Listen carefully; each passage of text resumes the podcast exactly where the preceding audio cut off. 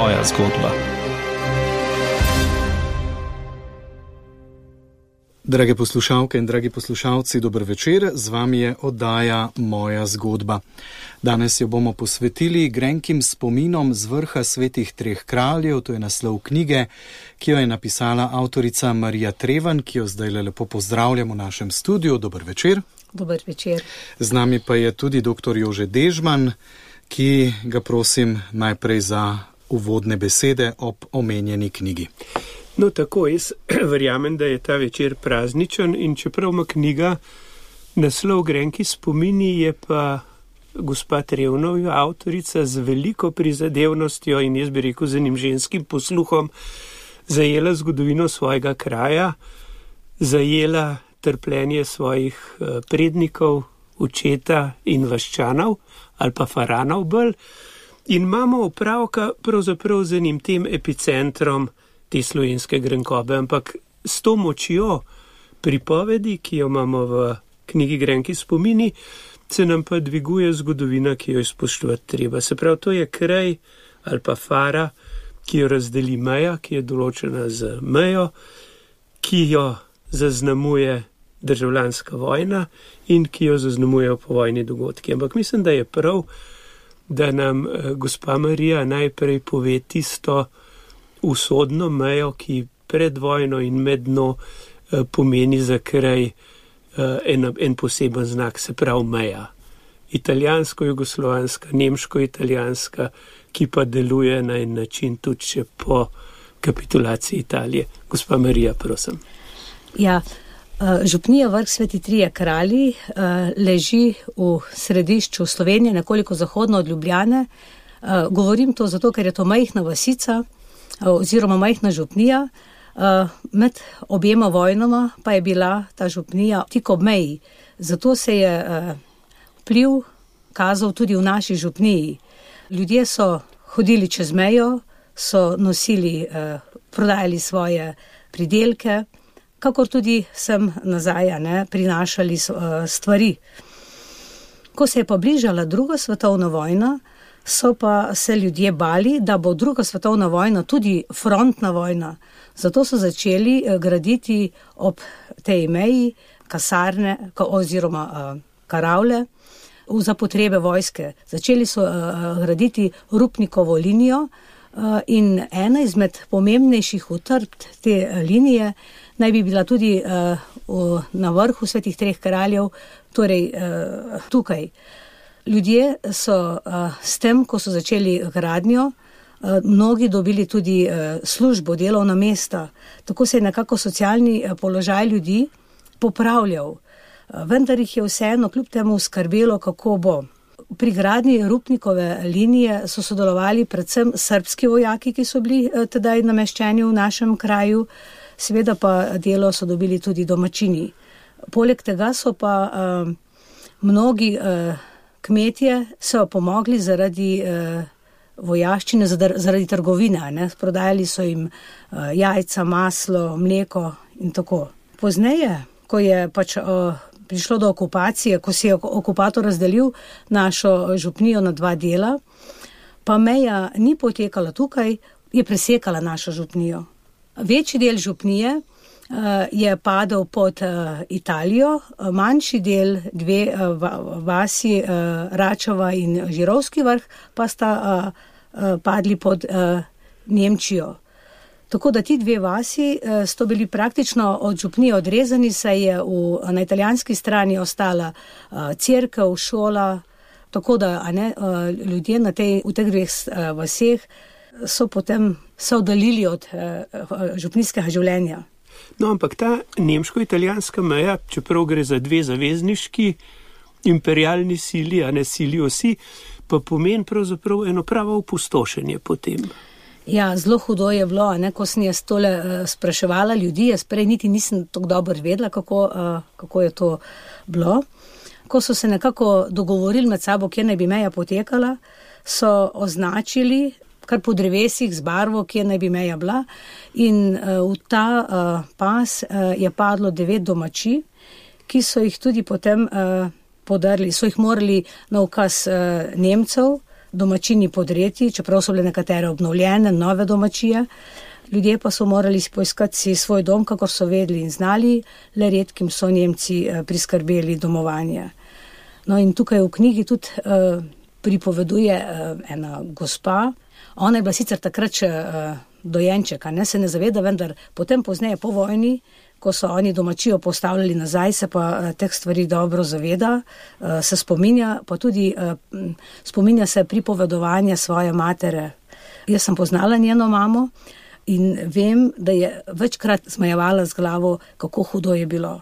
Namreč ta družina se je trikrat selila in vsakič uh, so uh, jim vse pod, mislim, So vse zgubili. So vse zgubili, ja, vse te pridelke, kar so pridelala, ne tudi. Uh, pohištva, oblačila, se si lahko predstavljamo, kako je bilo to hudo. No, ampak tudi meja sama je bila ena strašanska gradna, ne se prav z, ja. minirana z bodečo ja. žico, stražnimi stolpi, posadkami in tako naprej. In je zahtevala tudi nekaj življenja. Ja. Nemci so svoje strani želeli mejo zelo utrditi. Tako da, ko so postavili te uh, ograje, stebre, pa prepletli z mrežami vse, so uh, tudi uh, zaminirali, ne, so nastavili mine in so ljudi opozorili ob meji, da naj ne hodijo čez, uh, ker pač uh, ne bodo prišli. Ne, in ljudje pa so si vseeno utrli ene poti, so si očistili, zato ker so bili na župnijo vezanja ne, in, ali pa ta prijateljstva med mladimi, ne, to, uh, tega se ne da preprečiti tako da je uh, na meji torej, uh, zgubilo uh, življenje tudi nekaj ljudi. Pa tudi uh, pastirja. Ne? Pastirji so pasli ovce in če so se živali približali meji, so pastirji uh, šli za živalmi in tudi tako sta dva pastirja umrla zar zaradi mine. No, ampak zdaj, če gremo, se pravi, vi opisujete na nemški strani, ker je pravzaprav usoden dogodek mobilizacije v nemško vojsko. Uh, In na tej, recimo, ljubljanski strani ali pa ja. italijanski strani se pa seveda dogodi zgodba, ki jo nekako vrh svetih treh kraljev deli za, za ostalim območjem, se pravi, ki je nekako središče tega protikomunističnega upora. Kako je pa zaneslo vas v teh revolucionarnih časih, kako so se ljudje mhm. opredeljevali? Uh. Sprva ljudje eh, na vrhu uh, niso bili politično usmerjeni, tudi pozneje ne, ne. Oni so bili preprosti ljudje, ki so se trudili uh, za vsakdanji kruh, hodili so k maši, bili so globoko verni, pošteni. In ko so v vas prišle prve novice uh, o teh um, grozodejstvih, ki so jih počenjali partizani oziroma terenci, jih je to pretreslo. Zlasti pretreslo jih je, Eh, ko so v Šentjoštu ubili domačina, ne, ki so pomagali na, eh, na nivi, na polju pri kmečkih opravilih in potem. Eh, ne, to je bilo zelo uh, kruto, ne navadno, ker so poznali te ljudi kot preproste ljudi. Ne, uh, no, in potem, ko so prišli uh, partizani še v njihovo hišo domov in so ustrelili mater ter uh, tudi uh, hčer Albino, so potem jih je to zelo pretreslo. Uh, takrat so povedali, da je ta, ne, partizanska, uh, ta, to partizansko uh, ta usmeritev nespremljiva. Ko so pa zvedli še za umor po časopisu Slovenec, da, pa, da so pa ubili te, našega duhovnika, raztresena v beli krajini, takrat uh, pa, je bilo pa to pika na i in so stopili skupaj in so vedeli, da so v nevarnosti. Ne? Zato so. Se nekako med seboj posvetovali, kako in kaj, in so šli, so se dogovorili, da bodo branili uh, domačine, uh, domove, pa seveda tudi sebe. Uh, tako, zato so šli potem gor na vrh. Zgled so jim bili šentjoški, vaški stražari, ki so že prej. To storili, stopili skupaj, no in za njimi so tudi vrhovci šli po nekako po njihovem vzoru ter branili kraj.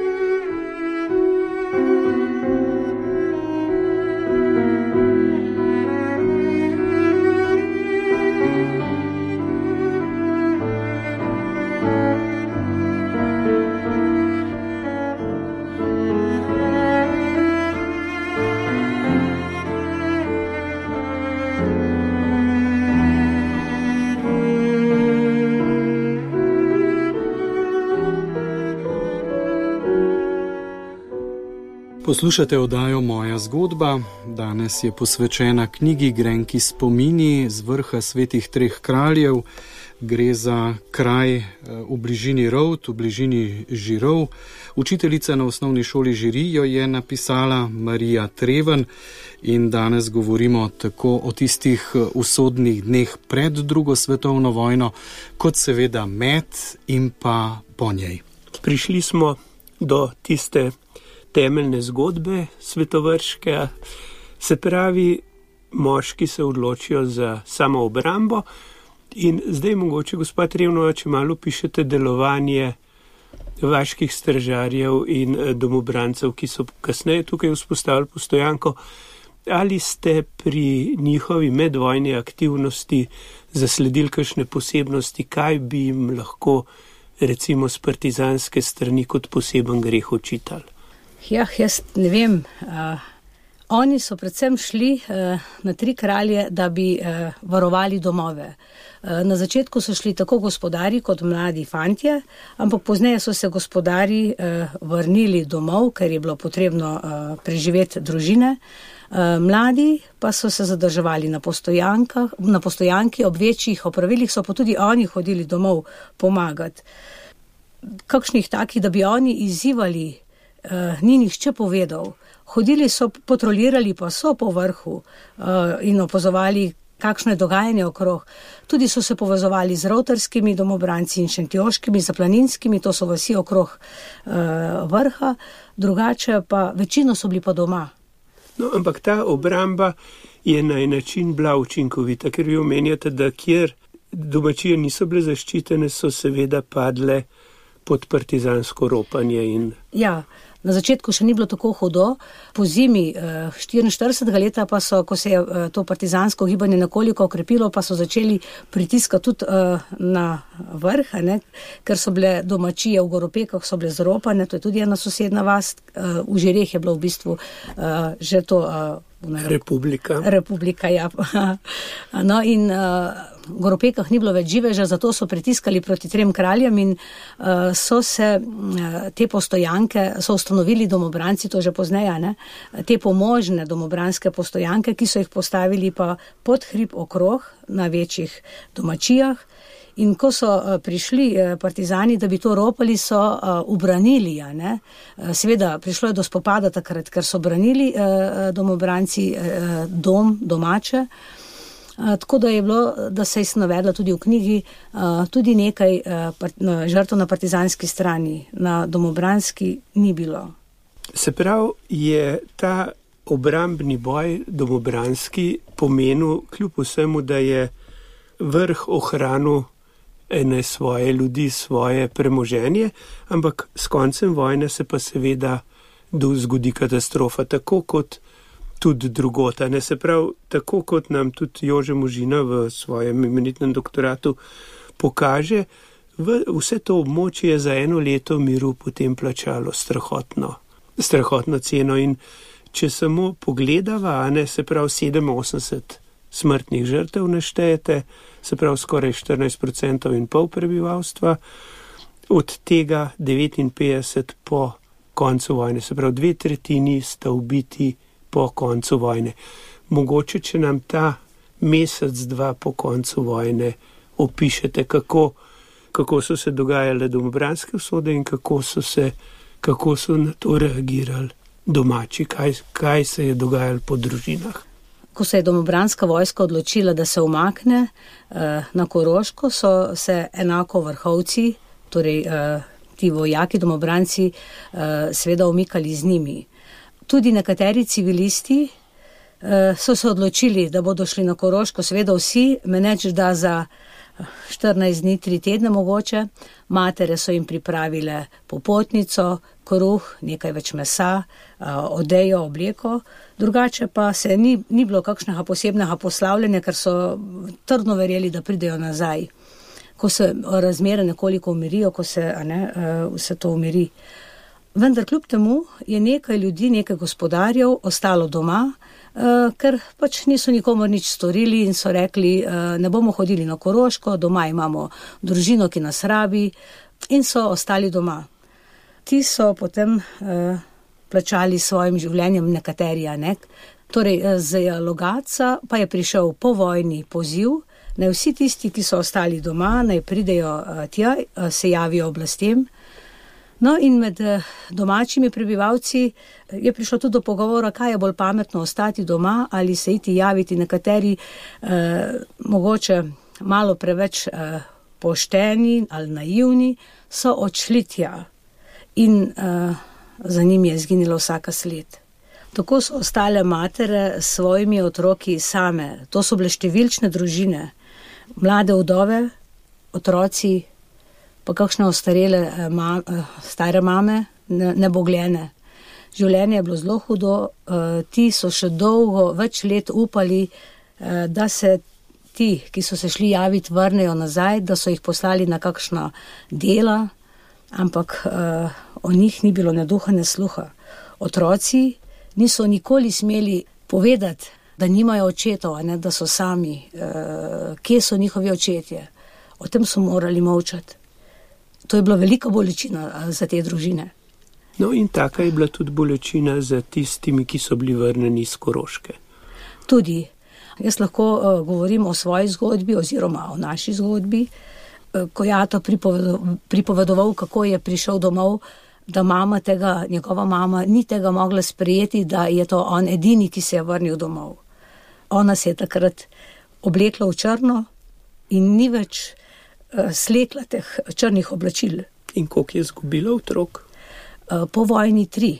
Konec vojne v 45 letih, v aprilu pa še enega, pa je bil pa bombni napad na hoti do Šicovinja. Tako da uh, vojna in njej je vzela štiri, najmlajši je pa pač moj ata. In ta ženska žalost je bilo tisto, kar ste srečevali v svoji raziskavi. In žalost siroce. Kako bi rekla, ta eh, žalost me je spremljala od otroštva, ne samo v naši družini, tudi tako, ko si prišel na tri kralje, se mi je zdelo, da je teh ljudi veliko, teh žena, ne, ki sicer niso bile vse v črno, ampak pozneje so bile že v drugačnih rutah, ampak čutil si to, ta mok mok se je čutil. Zdaj, a neko prideš, eh, bom rekla, v nedeljo ali pa pomaši na grič, je veselje, je drugačno življenje. Ne? Takrat v, v času mojega otroštva pa tega veselja ni bilo čutiti.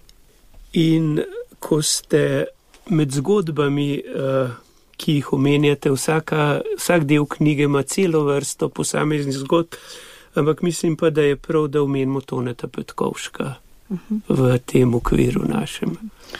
Zakaj sem uh, zgodbo Toneta Petkovška uh, vključila v to knjigo? Je bil razlog zato, ker so bili na, uh, v teharjah skupaj z vrhovci. On je bil skupaj z enim, torej ta družina je izgubila šest fantov, uh, no in on je bil uh, s tem uh, skupaj, uh, ko so šli na morišče. In Tone Petkovšek je to pozneje tudi povedal. On je doma iz Rod. Njega so pa dobro poznali vsi vrhovci, ker je bil trgovec v uh, routerski zadrugi, kamor so prodajali uh, domačini. No in uh, se mi je zdelo, da uh, te zgodbe ljudje uh, ne poznajo, ne, tako vrhovci kot uh, routeri sami in se mi je zdela zgodba, bom rekla, taka uh, pretresljiva. Jo je pa prinesel že v kraj. Eh, tudi domačin Franc Trček, ko se je vrnil iz Italije, kjer sta se v Italiji srečala Tone Petkovšek eh, in ta Trček Franc, eh, komu je zgodbo povedal, ne? kako je všel iz hrastniških rovov oziroma tam, ko so bili bolj starega hrastnika. Starega hrastnika, ja. No, Petkovšek je skratka eden od teh, ki je le povedal, kaj se je zgodilo, kako pa so družine iskale svoje umorjene, svoje izginule brate, očete, uh, dol sinove. Dolgo časa tega niso mogli sprejeti in niso verjeli. Niso uh, sprije, mogli sprejeti dejstva, da bi tako veliko število ljudi bilo umorjenih. To jim ni šlo v račun. No, potem, ko so podcurljale te vesti, naprimer, ko je prišel Ato domov, ko so prišli posamezni, uh, ko so se vrnili iz tehari. So... Ato je prišel domov zato, ker je bil mladoleten. Ja, prišel je na svoj 18. rojstni dan domov. Iz uh, tehari. No, in ko so to pripovedovali, kaj so doživljali na teharjah, kako je bilo gor hudo, kako so te dojenčke tam na tistih derah uh, na soncu mučili, kako so jih uh, kako so te matere jokale in kako so jih vozili zvečer, ne, kako je prišel kamion, so poklicali seznam ljudi in potem so jih odpeljali. Ne. Ti so vedeli.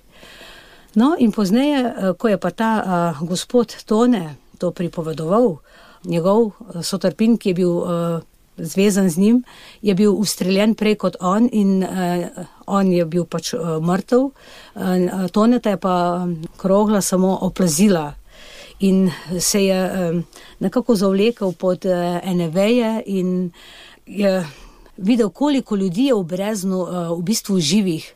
V njim je pa bila želja ne, rešiti se, kot je vsakem, priti ven, ni vedel, kako in kaj bi. In potem, ko so metali še bombe eh, oziroma minirali to jamo, je eh, med tem miniranjem padla dol eh, v jamo ena bukev, po kateri je pozneje po noči nekako prilezel ven. In ko je bilo tiho, vse tiho, je stekel, se je umaknil ven in uh, v tej zgodbi opisuje svoj beg. Zelo je bilo hudo, ne? bil je uh, na pol, v bistvu nak, uh, bos, uh, krval, umazan, ko je prišel do prvih uh, hiš. V njim je bilo veliko nezaupanja do ljudi, ni se upal uh, prositi za pomoč. Neko, uh, no, potem je vse nekako prišel do ene osnovne, uh, enih osnovnih oblačil. Nekateri so mu pomagali, nekateri so se ga bali, na, na, pri nekaterih je naletel tudi na, torej so ga želeli eh, pokojno ubiti.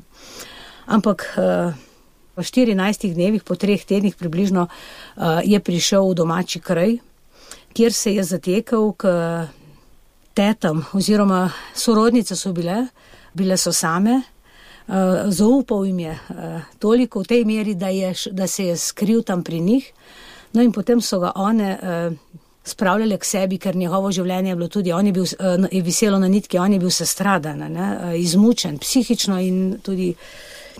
No, in potem, ko je bil toliko pri sebi, je vedel, da mu tukaj ne bo dano živeti, zato je prosil te gospe, če mu nekako priskrbijo nekoga, ki ga bi peljal če, čez mejo v Italijo. Ne. Tako je ena izmed uh, teh. Uh, prišla tudi do Urovte, do, je poznala te, te miličarje. Naprosili so nekoga, ki je uh, skratka bil pripravljen, ker ti domači miličari so pa tudi čutili z domačini to v Urovtah. Uh, so čutili in so, um, bom rekla, poskušali pomagati marsikdaj, čeprav so izpostavljali svojo kožo, svoje življenje. No in ko sta se dogovorila za eno noč, je ta miličar ga spremljal uh, pod pretvezo, da je najden skrivač. Po noči, dveh, treh, sta, sta šla proti italijanski meji, proti Anet, ta tone pred njim, uh, on pa za njim spuško, uh, da ga pelje, uh, pač, uh, da ga je našel. Ta beg se mu je posrečil, no in potem, kot sem že prej rekla, je v Italiji pripovedoval to svojo hudo zgodbo.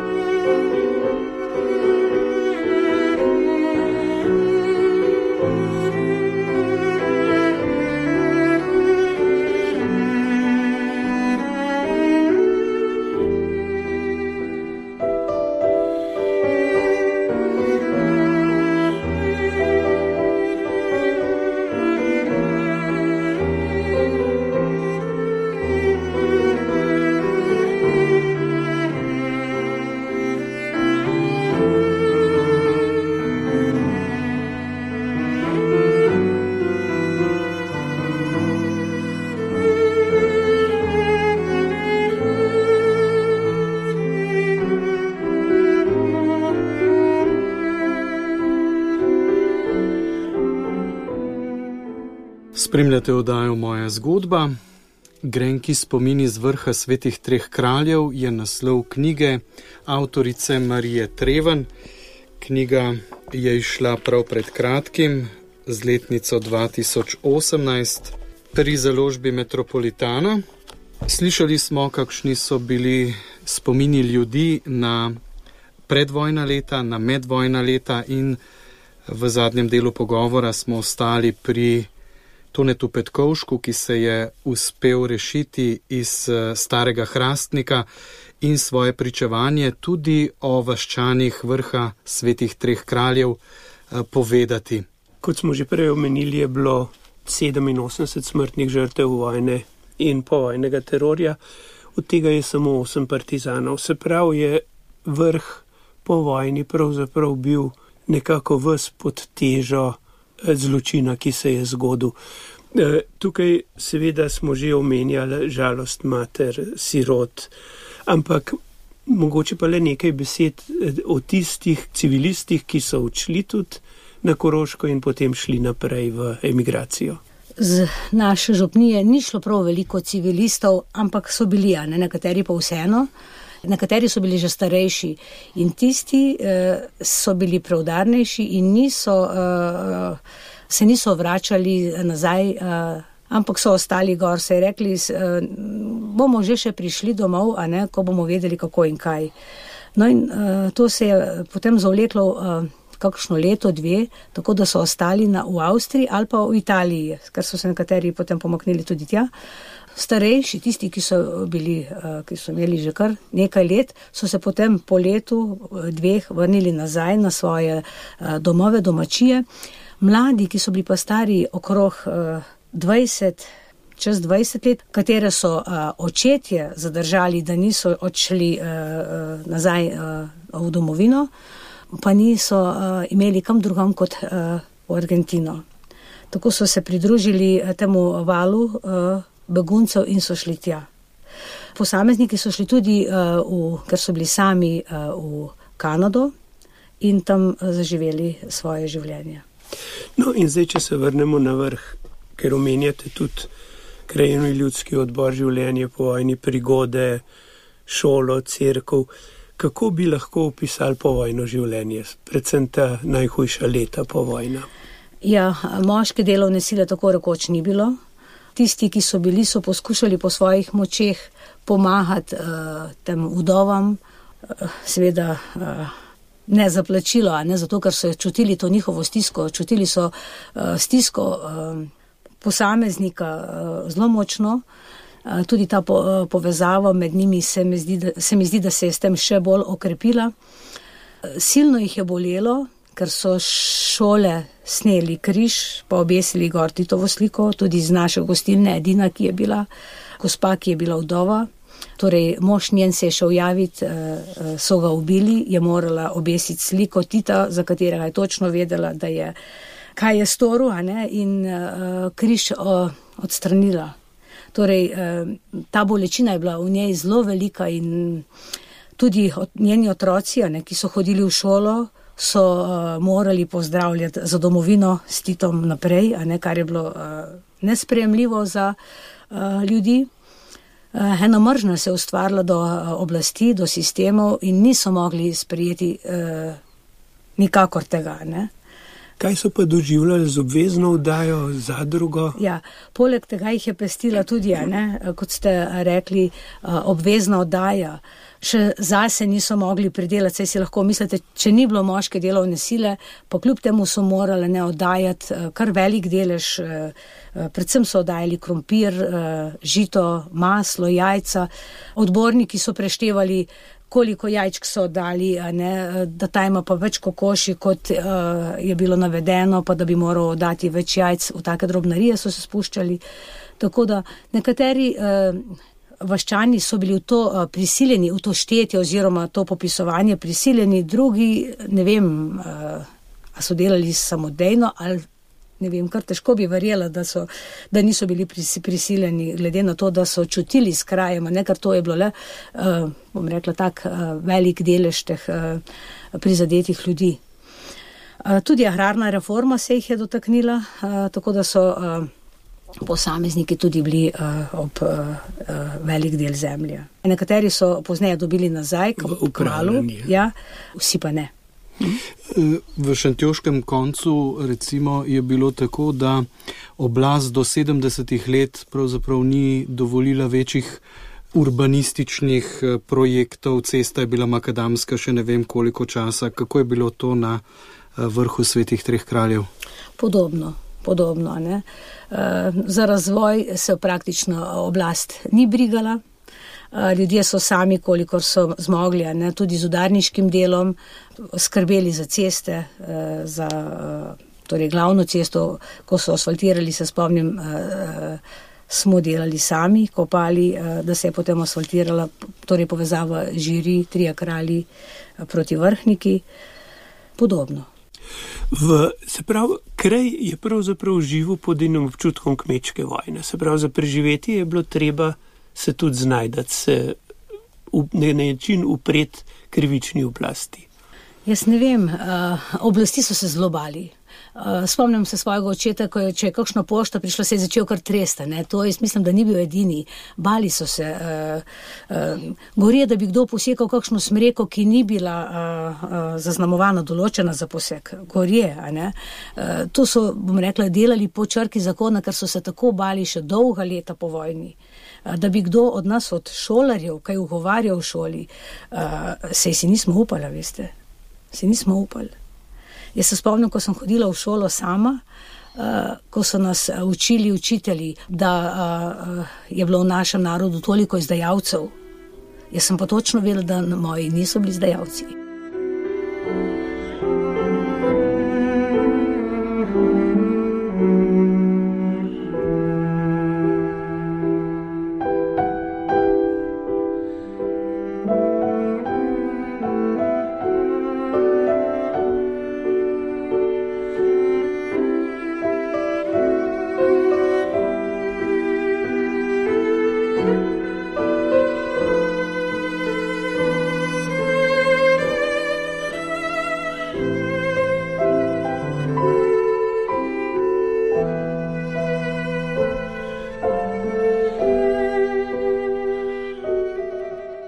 Še zadnji del oddaje Moja zgodba je pred nami, danes ob knjigi Marije Treven, Grenki spomini z vrha svetih treh kraljev. Slišali smo, kako se je omenjeni kraj spopadal tako z težkimi razmerami pred drugo svetovno vojno, med drugo svetovno vojno, najtežje pa je bilo po drugi svetovni vojni. No, ravno kar ste omenili svojo šolsko izkušnjo omenjate, pa tudi položaj crkve v tistem času. Mhm. Ko so uh, oblastniki uh, peljali uh, tedanjega župnika, gospoda Ramška z vrha, je na vrhu ostala velika praznina. Ne? Edina uteha uh, teh ljudi, teh mater je bila vera. Zakaj so ga odpeljali župnika? Osumljen je bil raznih uh, stvari. In je bil tudi zaprt. Aj, tudi tako kot je bilo takrat veliko duhovnikov. No in tudi pozneje, ko je prišel na tri kralje gospod uh, Stanko Kapš, ki je bil tudi zaprt, ne tudi so ga obdolžili raznih uh, stvari, uh, se je, uh, bom rekla, so bili ljudi, ljudje zelo, zelo uh, srečni in veseli in pomirjeni, ker so spet do, dobili duhovnega voditelja, ne, ker brez uh, eno duhovne podpore bi zelo težko preživeli to krivico, ne, ki se jim je dogajala. No, in zdaj, če pravzaprav bi lahko to vprašanje postavili na začetku, ampak dajmo zaključiti naš pogovor z vašim, recimo, delovodnikom. Vi ste motiv za zbiranje teh zgodb, ste dobili pri očetu. Ja, tako je. Ne, ko smo takrat postavljali farne plošče. Uh, smo hodili od, uh, posameznih, uh, od posameznikov, ne zbirali smo finančna sredstva, pa tudi uh, iskali, kje so še pravzaprav uh, te žrtve, da ne bi kakšno spustili. Na tega smo se zelo bali, da bi kakšno spustili. No, in takrat sem jaz slišala veliko, veliko takih pretresljivih zgodb. In uh, so se me dotaknile nekatere zelo močno, in zato smo po, uh, potem ob teh uh, obletnicah pripravljali uh, na treh kraljih po spominski maši še tako krajšo prireditev. Uh, No in ob eh, zadnji, ob 70-letnici, eh, se mi je zdelo kar primerno, nekako se mi je zdelo, da moramo nekaj več, da moramo ponuditi uh, tem obiskovalcem oziroma mladim nekaj več. In takrat sem jaz predtem nekaj uh, pričovanj napisala, ter uh, smo naredili eno tako razstavo, pa z mladimi smo uh, pripravljali tak kratek dokumentarni film. Eh, ki je pomočno nagovoril vse prisotne, in potem mi je nekako dalo to enega tazga zagona, da pa res uh, kraj uh, nima ničesar, da pa bi bilo mogoče uh, pametno nekaj zapisati. Seveda moram pa reči, da so me zelo spodbujali tudi drugi. Veliko se pogovarjamo o oddaji Moja zgodba in večkrat naletimo na strah. Ljudi je še dolgo po osamosvojitvi bilo strah, jih je še danes. Ne, da bi bilo danes ljudi strah, ampak ta uh, občutek nemoči, uh, mislim pa, da je prisoten še vedno.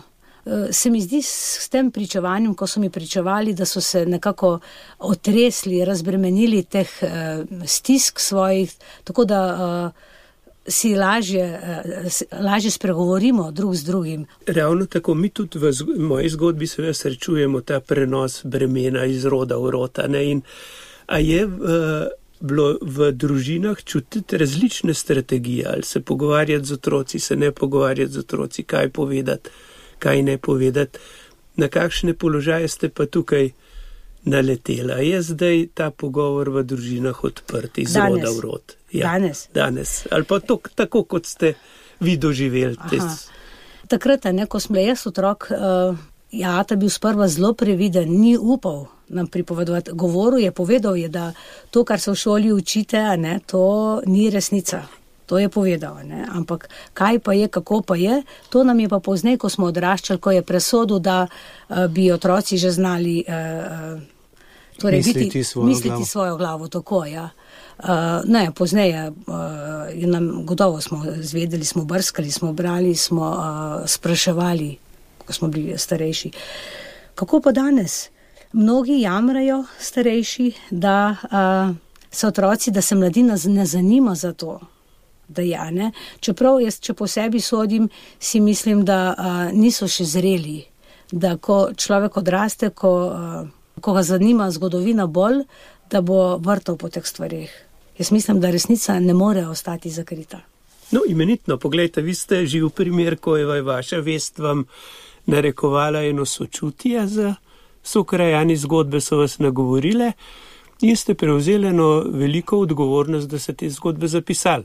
Posebno bogatstvo knjige, pravzaprav presenetljivo, pa so tudi odlične fotografije. Veliko jih je in tudi take, ki jih je razmeroma težko dobiti iz teh eh, vojnih časov, ki bi pravzaprav človek pričakoval, da so jih ljudje ali uničili ali da so izginile. Ja, res je tudi mene presenetilo. Kamorkoli sem prišla, pa sem poprosila, površala, če imajo kaj fotografij, so mi postregli z njimi. Uh, torej, skrbno jih hranijo, ker to so edini spomin na te uh, pobite svojce, sorodnike, starše. Uh, in so mi bi, bili jih pripravljeni odstopiti, tako da imam jaz doma okrog 2000 fotografij shranjenih. Izbrala sem samo najbolj take uh, pomenljive. Res je en tak uh, veliko bogatstvo, no, uh, v kraju se še hrani na ta čas. Katere pa recimo so vam bile najbolj pri srcu, ko ste jih izbirali za objavo? Aha, pretresljive. Pretresle so me te fotografije z matere same z otroki, te velike družine, ne, uh, ko so bili še vsi zbrani, pa potem tudi te uh, domobranske, ko so precej uh, se fotografirali. Ne, In izginili. In izginili, ja. Ali pa naprimer pri delu, ne, ljudje pri delu po vojni, ko so, bile, ko so prihajali pomagati posamezniki. Mislim pa, da je prav, da poslušalkam in poslušalcem lepo vemo, da ima knjiga imenitno pot med občinstvo, da je skoraj razprodana. Ja, e, zelo e, neverjetno se mi zdi res, ko smo razmišljali, v kakšni nakladi naj bi to knjigo izdali, smo uh, bili najprej za 300 uh, izvodov, smo rekli, doma eh, je približno 100 eh, gospodinstv, toliko knjig bo šlo, potem pa da bo še nekaj knjig ostalo v rezervi. Pozneje so me pa začeli pričevalci opozarjati, da, ba, da bi bila pa ta številka lahko premajhna, pa da naj gremo v mal večjo naklado. No in smo šli, pa moram povedati, da je v enem mesecu, pravzaprav dveh že zdaj, ne, pošlo čez 400 knjig. Že je že zunaj med bravci. Tako da je bila knjiga zelo lepo sprejeta in sem kar vesela. No, se pravi, lepo sprejeta pomeni, da je resnica najdla uh, dober odziv. Niste naleteli na, kakšno, ne, ne. na kakšne ugovore, ki bi zahtevali spremembo, popravke. Ne.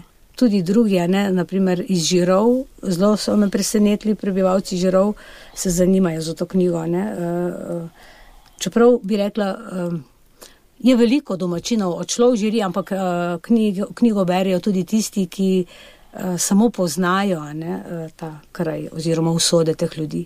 Sicer pa sodobna tehnologija tako ali tako omogoča, da se hitro dotisne toliko izvodov, kolikor bi jih bilo še potrebno. Ja. Pustimo no. se presenetiti. no, jaz mislim, da je uh, že ta današnji pogovor nam odprl en, prijaz, en lep uh, pogled v svet pripovedi, ki jih je gospod Revnova, ki ste jih zbrali v knjigi. Uh, in verjamem, da.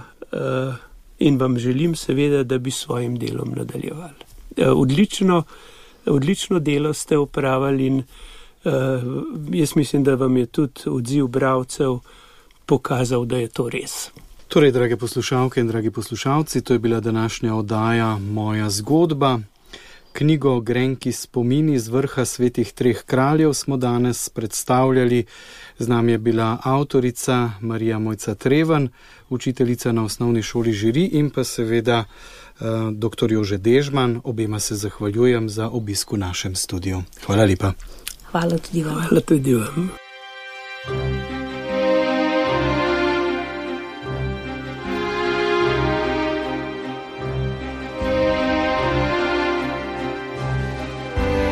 Moja zgodba.